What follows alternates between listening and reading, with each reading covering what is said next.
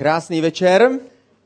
Vítám vás všechny a dospívali jsme nádherný text, kde je napsáno o tom, že Bůh je s námi, Bůh je silný, Bůh je vždycky na naší straně. A když slyšíme takovouhle píseň, která je tak úžasným způsobem zaspívaná a s takovou nádhernou emocí nám předaná, tak my cítíme, Bůh je s námi a nikdy se nemůže stát nic špatného. Nicméně v životě to není vždycky tak stejné. V životě vždycky nemáme blízko sebe tak dobré hudebníky a zpěváky, kteří nám pomůžou cítit a vnímat, že Bůh je s námi, že nás nikdy neopustí, že vždycky je ten velký a mocný a že vlastně život s Bohem je jeden velký úsměv a jedno velké vítězství.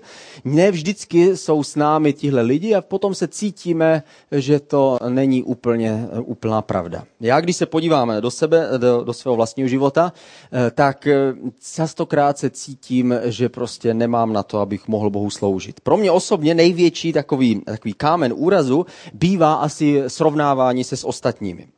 Snažím se s tím samozřejmě bojovat, předstírat, že prostě nemám s tím problémy, vyučovat proti tomu a přesto znovu a znovu se mi to, eh, se mi to přichytí ruky, jako když apoštol Pavel eh, byl vyplavený někdy na, tém, na tom středozemním eh, ostrově a je tam napsáno, že když přikládal dřevo na oheň, tak tehdy se mu ještěrka zakousla do ruky a musel tam, tam se snažit zbavit se toho, toho jedovatého plaza. Podobně jedovaté, jedovatý plaz já mám ve svém životě a vždycky, když, když se zrovna necítím úplně jako po téhle písni, jako že Bůh je higher a já jsem higher a, a všechno je úžasný a cítím se trošku níž a, a tak dál, tak tehdy, když vidím někoho, kdo je lepší než já, tak to obdivu hodně, podivu hodně nepůsobí jako povzbuzení, wow, to bych, byl, to bych mohl být jako on, ale naopak to na mě působí, o, podívej se, jak on je úžasný a jak ty jsi špatný. Místo, abych viděl ty velké možnosti a předpoklady, a ty, ty příležitosti být jako tamhle ten člověk, tak naopak cítím, oh, cítím ty svoje vlastní nedostatky a to svoje vlastní chyby. Potom eh, jsou tři věci, které se mi derou eh, na mysl. První myšlenka je, že toho nevím ještě dost. Vždycky, když vidím někoho, kdo toho ví o církvi a o službě Bohu víc než já, kdo je schopen kázat eh, ne každou neděli, ale každý druhý den jiné téma, tak si říkám, tohle snad není ani možné. Já toho tolik ještě nevím. Vždycky, když přijedu do Švýcarska, kde máme setkání, setkání pastorů ICF, pokaždé tam z některé věci si říkám, wow, tak tohle jsem úplně nezvládl, tohle jsem úplně neudělal dobře, tohle jsem úplně nepochopil vlastně, že se to má dělat takovým a takovým způsobem. Od toho je spojena, s tím je spojena druhá myšlenka a to je, že nejsem dostatečně dobrý. Mám z toho pocit, že ve skutečnosti vlastně to omyl, to, co dělám a tam, kde jsem. Cítím se, že vlastně někdo lepší, kdo by to mohl dělat. A nejradši bych vlastně zavřel dveře a, ztratil se a utekl pryč. Nebo někdy mi ještě napadne třetí myšlenka a to je, že jsem už udělal příliš mnoho chyb proto, abych mohl ještě doufat, že znova, eh, znova a znova Bůh mi bude žehnat. Možná, že se taky tak někdy cítíš. Možná, že tebe někdy napadne, že toho nevíš vlastně dost. Říkáš si, je, já vlastně jsem nepochopil skoro nic z toho, co dělám. Nebo možná, že si říkáš, že nejsem dostatečně dobrý, vždyť je tolik lepších lidí, než jsem já. Když vidíš lidi, kteří mají větší inteligenci, větší šarm, větší osobní charisma, umí lépe mluvit než ty, umí víc prodat než ty, tak si říkáš, o, tvoje vlastní hodnota je tím, je tím otřesená. Nebo možná, že tě trápí to, že, si, že se ti pořád připomínají ty, ty chyby z minulosti. Říkáš si, tohle prostě není možné. To, že jsem to udělal tehdy a že jsem zklamal v té a v té věci, jako tom hezky mluvil Petr na začátku, tak přece to, to znamená, že už to ovlivní celou moji budoucnost. Tahám věci z minulosti a dělám si z nich překážku pro svoji budoucnost. Možná, že něco takového vnímáš. Jestli se tak cítíš, mám pro tebe zajímavou myšlenku. Protože potom si kandidát pro Boha, aby Bůh si tě použil. Ve skutečnosti, když se podíváme do Bible, tak jsme překvapeni, že tam nenajdeme Alexandra Velikého, nenajdeme tam žádné úžasné, skvělé myslitele, nenacházíme tam lidi bez chyb, ale naopak každý člověk, z každého člověka je tam stržena strženo oblečení a vidíme ho tam nahého ze všemi chybami, ze všemi pochybnostmi a ze všemi hříchy, které dělal. Když se podíváme na první myšlenku, eh, kterou, kterou jsem si z toho vzal, je, že možná, že si opravdu ve svém životě udělal nějakou velkou chybu. A možná, že si ji neudělal jenom jednu, ale možná, že si jich udělal ještě víc. Ta první myšlenka je, udělal si velké chyby něco v minulosti si nezvládl tak, jak si měl a nedopadlo to přesně tak, jak si představoval. A možná, že si na to zareagoval jinak, než si měl. Možná, že si vynadal tomu, komu si neměl vynadat a naopak velice rychle odpustil se a nechat, nechal být něco, co se měl za to rvát, možná víc. Možná, že si vzdal z dřív, než si viděl výsledek, který se možná mohl brzo dostavit a říkáš si, ty velké chyby mě budou pronásledovat. Mě si Bůh nikdy nemůže použít.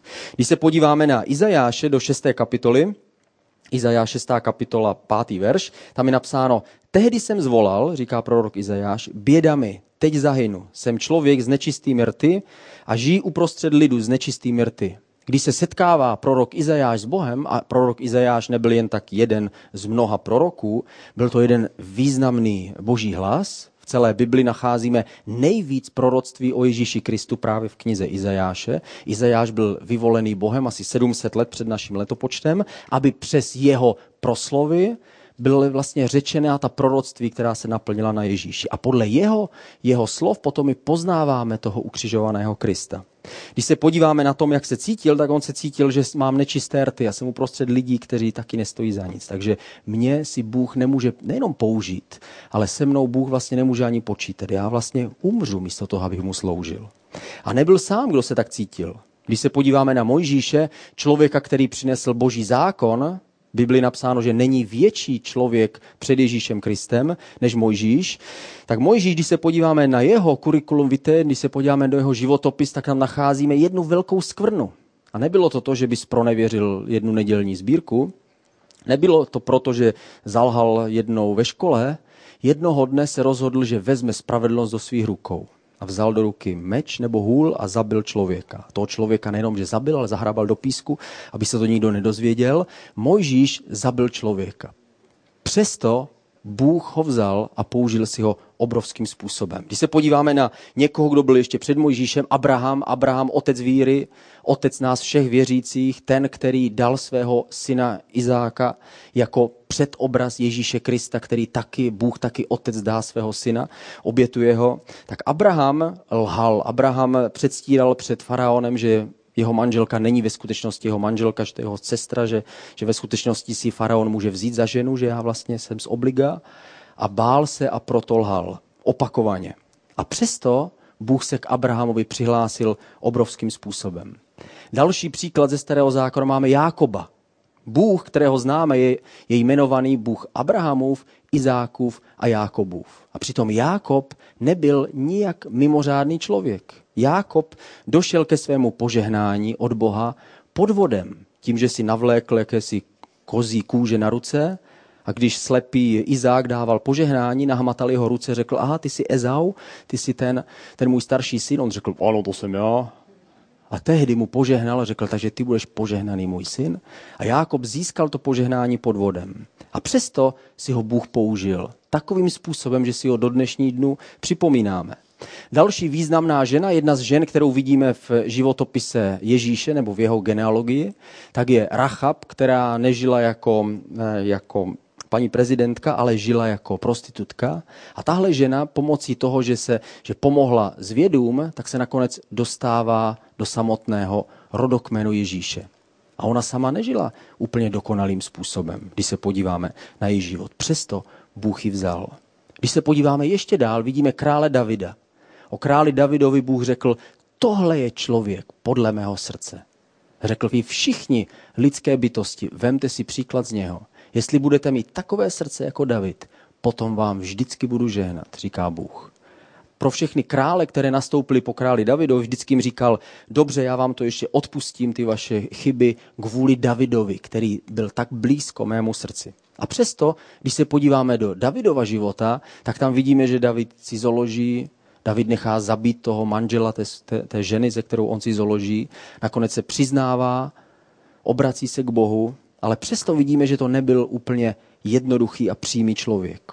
Nacházíme chybu. Když vidíme apoštola Pavla, který jde do, celý, do posledních končin země a káže evangelium, tak když se podíváme na jeho život, zjistíme, že předtím, než se stává, stává e, křesťanem, tak pronásleduje křesťany. Nejenom tak, že by o nich psal článek do Mladé fronty dnes, ale on je pronásleduje a jde ještě dál. Získává si autoritu od tehdejších, eh, tehdejší moci a pronásleduje křesťany, dává je do vězení, některé z nich nechává popravit. On sám byl svědkem u popravy toho prvního křesťanského mučedníka a přesto byl to právě Pavel, který byl sražený z koně velkým světlem a to světlo k němu promluví a řekne, to jsem já Ježíš a ty půjdeš v mé jménu půjdeš ke všem národům a řekneš jim moje slovo. A Pavel, i když už je dávno pryč z téhle zemi, ještě pořád naplňuje tohle poslání. Ještě pořád přes ty své dopisy, které my čteme v Bibli, pořád jde do celého světa a pořád káže všem pohanům a všem národům po celém světě. A přesto to byl člověk, který nebyl zrovna, zrovna dokonalý. Já jsem eh, měl těžkou autonehodu a když jsem, když, jsem, eh, když jsem měl tu nehodu, já jsem měl vyučovat nějakou biblickou školu a když jsem se vracel, eh, tak jsem v zatáčce narazil do protijedoucího auta. Měl jsem v autě ještě další lidi a když jsem se probral z, z bezvědomí, tak jsem si říkal, ty, tak tohle byl útok, jako to prostě, to někdo způsobil, abych já prostě nedojel správně a tak dále. A pak, když došlo k vyšetřování, tak se zjistilo, že skutečně tam je viník při té autonehodě a ten viník jsem byl já já jsem překročil rychlost zatáčce a vynesla mě prostě do, do protisměru a já jsem narazil do toho auta. Já jsem tomu nechtěl věřit, ale byl jsem přinucený. Ta moje chyba způsobila zásadní problém. Když jsme, když jsme kupovali náš dům, tak jsme, který jsme měli v Brně, tak jsme ho kupovali od našeho příbuzného a v, v, normálně se to dělá tak, že si pořídíte výpis z katastru ten poslední den před podpisem smlouvy, abyste si byli jistí, že skutečně to je ten majitel a tak dále. A my jsme řekli, no a tak je to příbuzný, necháme to tak. Jestliže něco podceníš a uděláš chybu, možná, že možná se spolehneš na někoho jiného příliš lehkovážně, potom to budeš ty, který ten problém ovšem bude řešit. Naše chyby nás někdy skutečně pronásledují. A některé chyby, které uděláme, se nevyřeší jenom tím, že se z toho vyspíme. Některé chyby nás opravdu následují léta, než je vyžehlíme. Ale přesto to pro Boha není zásadní problém, proč by si nás nepoužil. Naopak, jestli se cítíme, že jsme to všechno prostě skopali a všechny chyby a jsme si dobře vědomí těch chyb, tak pak víme, že jsme ti správní kandidáti pro Boha, aby si nás použil. Zjišťujeme, že jsme na stejné lodi s lidmi, jako je Mojžíš, Abraham, Jákob, David, Pavel, o kterých jsem mluvil, a zjišťujeme, že oni taky na nás kývají a říkají, to známe, taky jsme to dokopali. A přesto Bůh v jejich životě mocně jednal. Když se podíváme na, na to, jak Izajáš skončil, Izajáš 6. kapitola 8. verš, potom jsem slyšel pánův hlas, koho pošlu, kdo nám půjde? A Izajáš říká, zde jsem, pošli mě, odpověděl jsem. Nejprve říká, já jsem ten, kdo má nečisté rty. A skutečně Bůh tam posílá toho anděla s tím rozhaveným božím uhlíkem, aby očistil jeho rty. Bůh říká, ano, je vidět, že máš špinavé rty, opravdu jsi udělal nějakou chybu, ale přesto Bůh neváhá a jenom o pár věd dál říká, a koho teda pošlu? Pošlu tebe? Může žít? A Izajáš říká, ano, pošli mě, jsem připravený. I když byl sám nečistý, přesto se to v boží blízkosti nestalo něčím, co by zastavilo Boha od toho, aby si ho použil. Druhý důvod, který možná ti brání, nebo si říkáš, že jsem úplně neschopný, nejsi si jistý sám sebou. Možná, že si říkáš, eh, na základě čeho vlastně si mám být jistý sám sebou. Z čeho vlastně čerpám svoji sebedůvěru.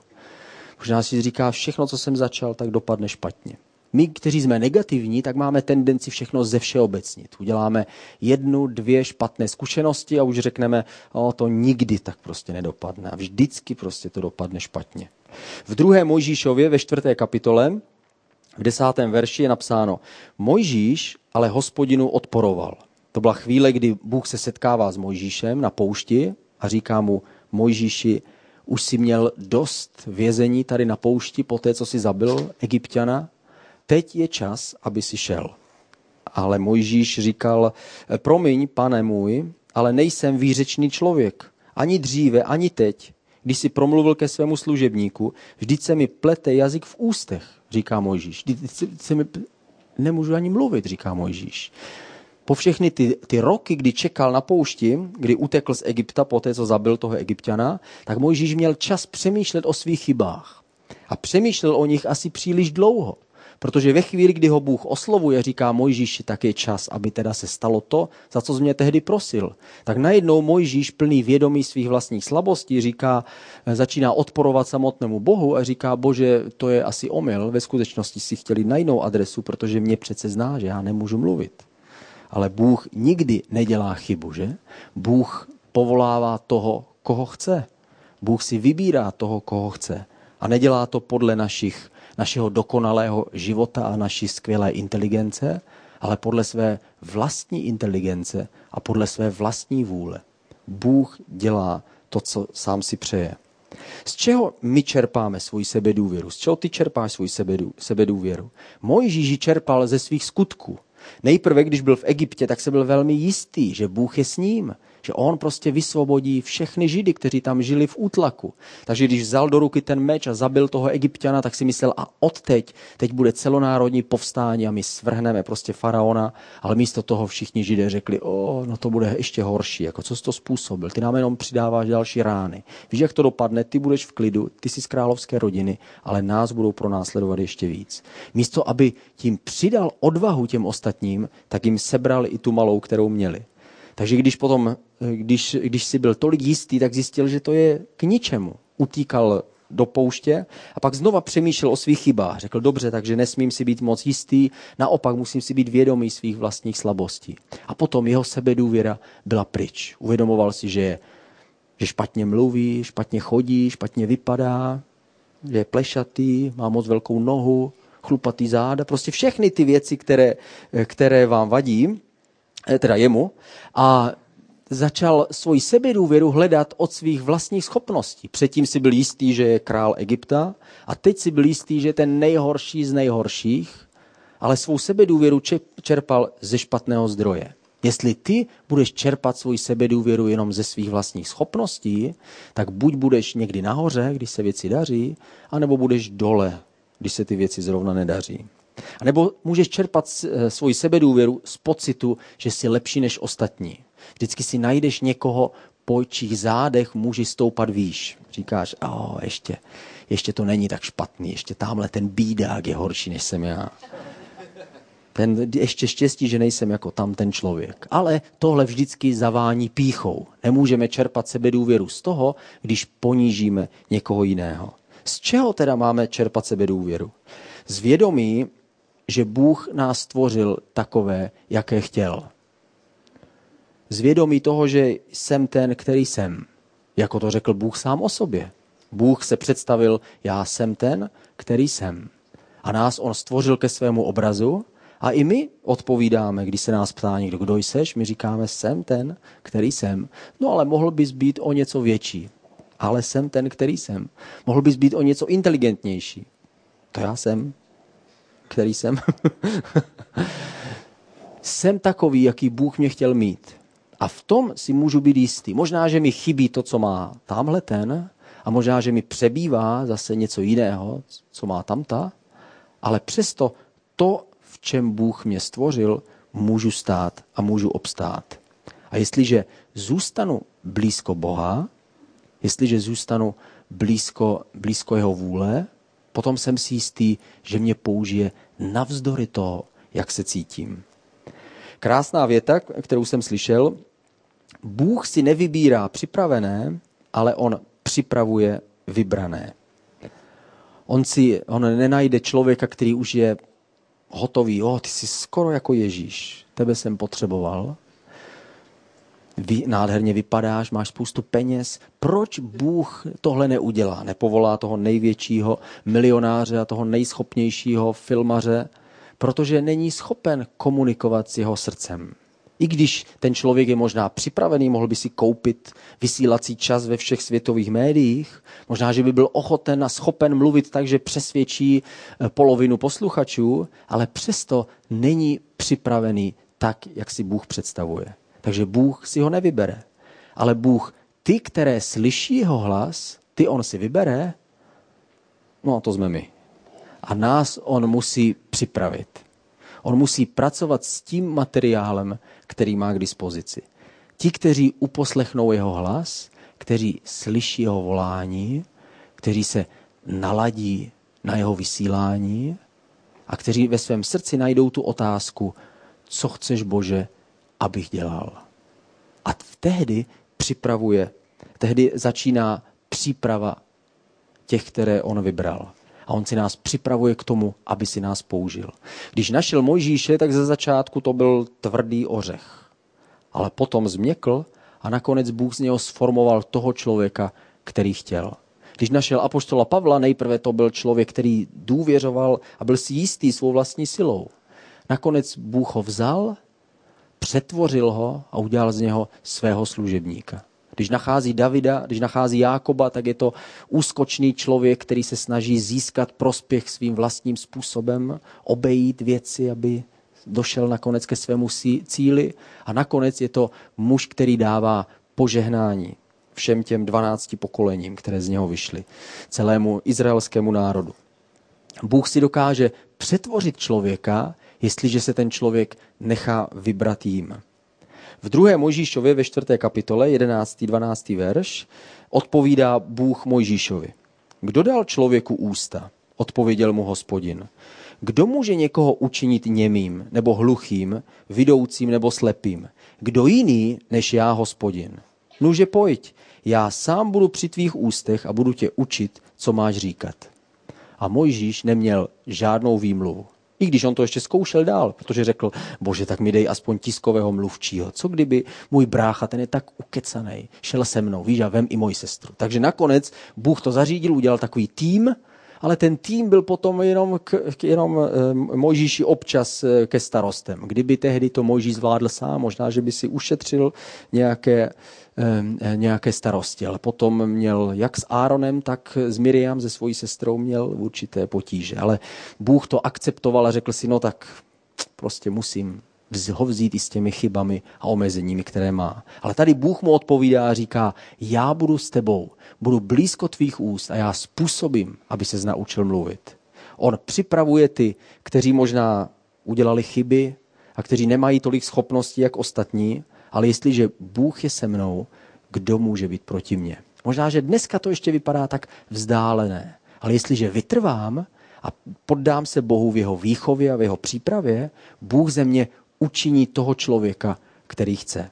Možná u někoho to trvá tři roky, jako Ježíš se svými učedníky, i když i na konci svého, svého pozemské služby, když Ježíš odchází a loučí se se svými učedníky, tak jim říká, o, mnozí z vás stejně nevěříte.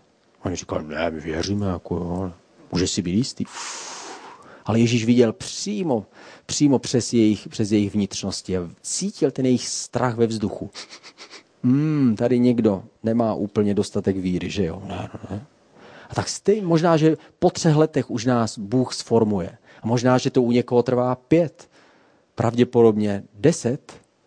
A já, když se podívám zpátky, tak vidím, že to je dvacet let a ještě víc, kdy Bůh nás formuje. Jestliže mu dovolíme, Bůh může jít do stále větší hloubky v našem životě.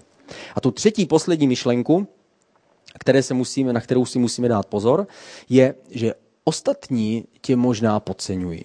Možná, že ostatní jsou ti, kteří tě strhávají dolů. Možná, že ostatní asi zvyklí na to, že někdo si o tobě myslí, že to úplně, úplně nejseš prostě ten hvězdný člověk.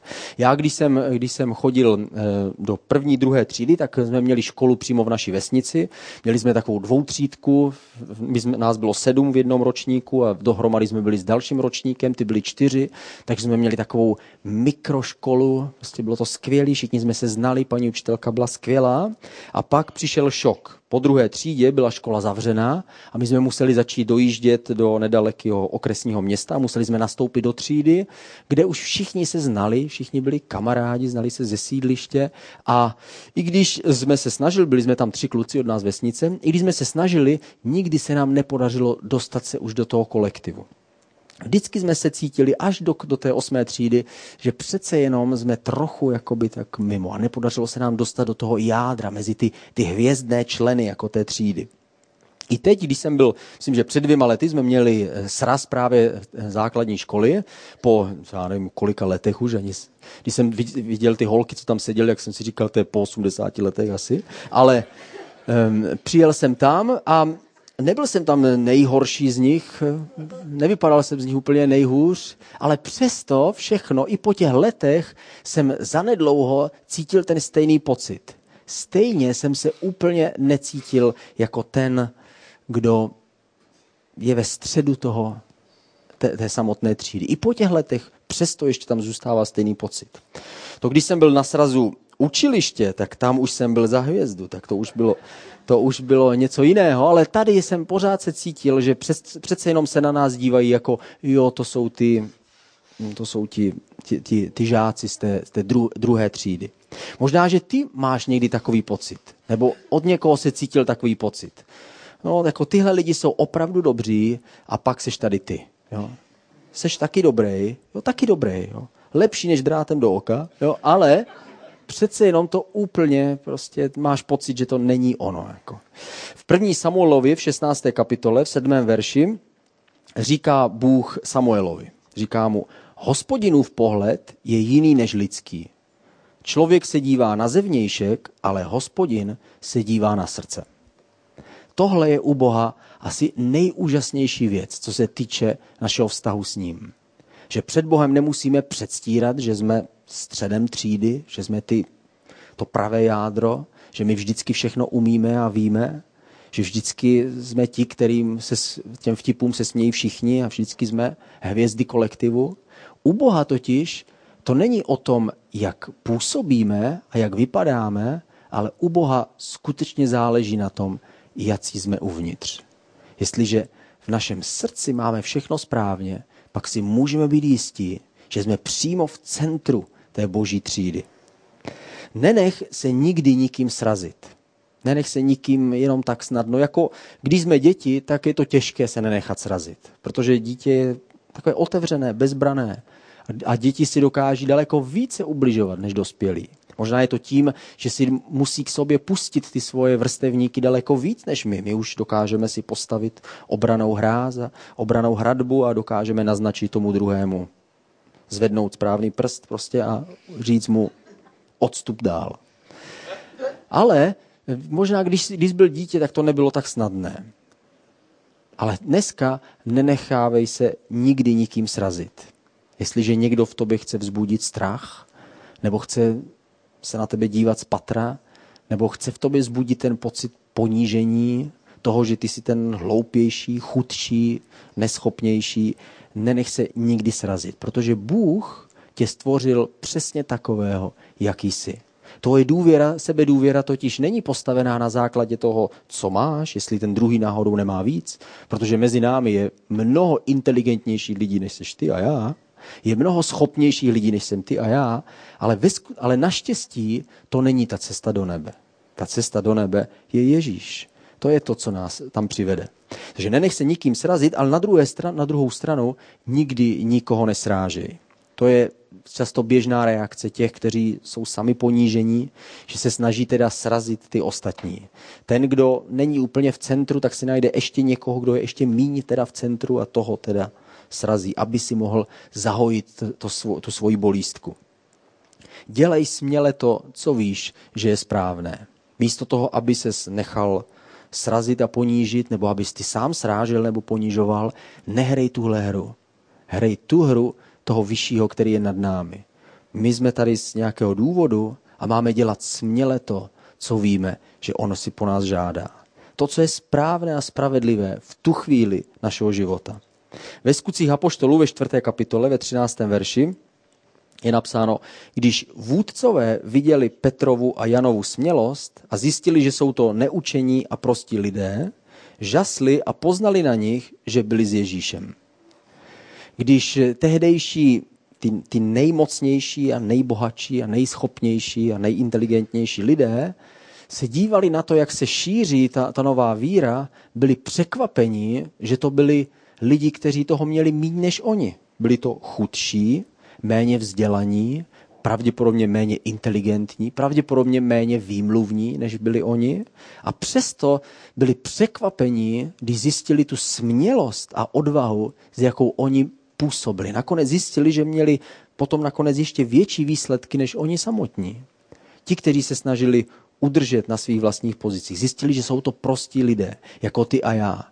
Jestliže jsme s Ježíšem, můžeme klidně uznat, že jsme jenom prostí lidé, že jsou lepší, než jsme my. Ale jestliže jsme s Ježíšem, můžeme být smělí v tom, co děláme. Můžeme být smělí v naší službě Bohu, můžeme být smělí v našem životě, můžeme být smělí v tom, když děláme ty správné věci, kterým věříme a za kterými stojíme. A musíme se zeptat sami sebe. Děláme my pro Boha dost? Jsme dostatečně smělí? Jsme dostatečně rozhodlí žít pro Boha? Jsme dostatečně odevzdaní jemu? Ptáme se ho, Bože, co víc pro tebe můžu udělat? Jsme si jistí tím, čím nás stvořil a jsme si jistí tím, že víme, kam nás postavil? Ta cesta, jak k tomu dojít, je snadná. Ježíš řekl, kdo chce mezi vámi být největší, ať se stane služebníkem všech. Cesta služby je cesta směrem nahoru. Jestliže Bohu sloužíme z celého srdce, potom víme, že se blížíme víc a víc do Boží vůle a do Božího království. Že se víc a víc přibližujeme do centra té Boží třídy. Že se stáváme těmi skutečně lidmi, kteří jsou na hraně toho všeho, toho, toho správ, těch správných věcí, které se dějí. A není to proto, že bychom nikdy neudělali chybu, nebo že bychom vždycky byli si tak jistí a, a úžasní a skvělí. Není to proto, že bychom to tolik věděli, ale je to proto, že jsme se vydali na tu správnou cestu. Na tu cestu služby, na tu cestu sebevydání a oběti, kdy my dáváme Bohu svůj čas, dáváme Bohu sami sebe, dáváme Bohu svoje zdroje, dáváme mu k dispozici to, co máme a jdeme tou cestou, která směruje směrem nahoru. My, já vám znova pro vás mám takovou výzvu. Minulý, minulou neděli jsem měl pro vás výzvu k modlitbě. Eh, nevím, kdo, kolik z vás jste vzali ten lístek vážně a řekli jste, dobře Bože, já se přiblížím tobě víc.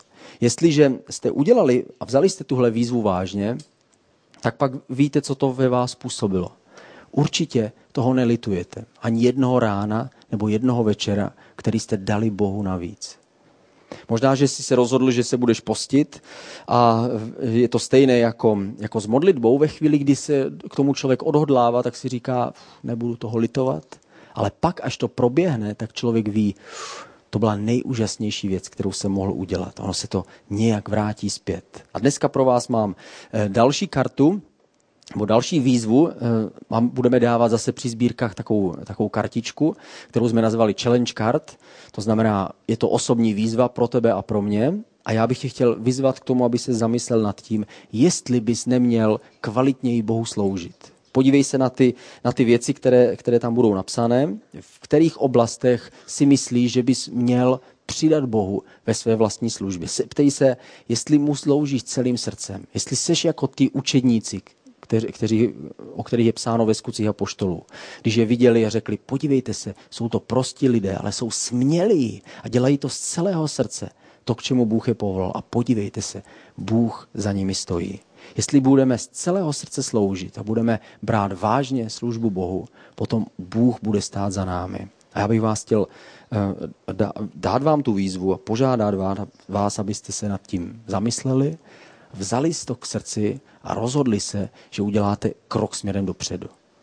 Ty i já víme jednu věc a to je, že skutečná změna začíná v nás. Nemůžeme změnit Boha ani svět kolem nás jen tak, ale začíná to změnou v našem životě. Jestliže se rozhodneme udělat další krok ve svém vnitřním životě s Bohem, vždycky víme, že se to projeví nějakým způsobem. A jak lé, lépe začít celý rok tomhle měsíci, než tím, že uděláme vnitřní nová rozhodnutí a nové kroky. Takže pojďme, společ, pojďme se společně modlit pojďme na to. Pane Ježíši, děkujeme ti za to, že můžeme zapomínat na naše chyby a na naše slabosti, které, které máme a, a chyby, které jsme udělali.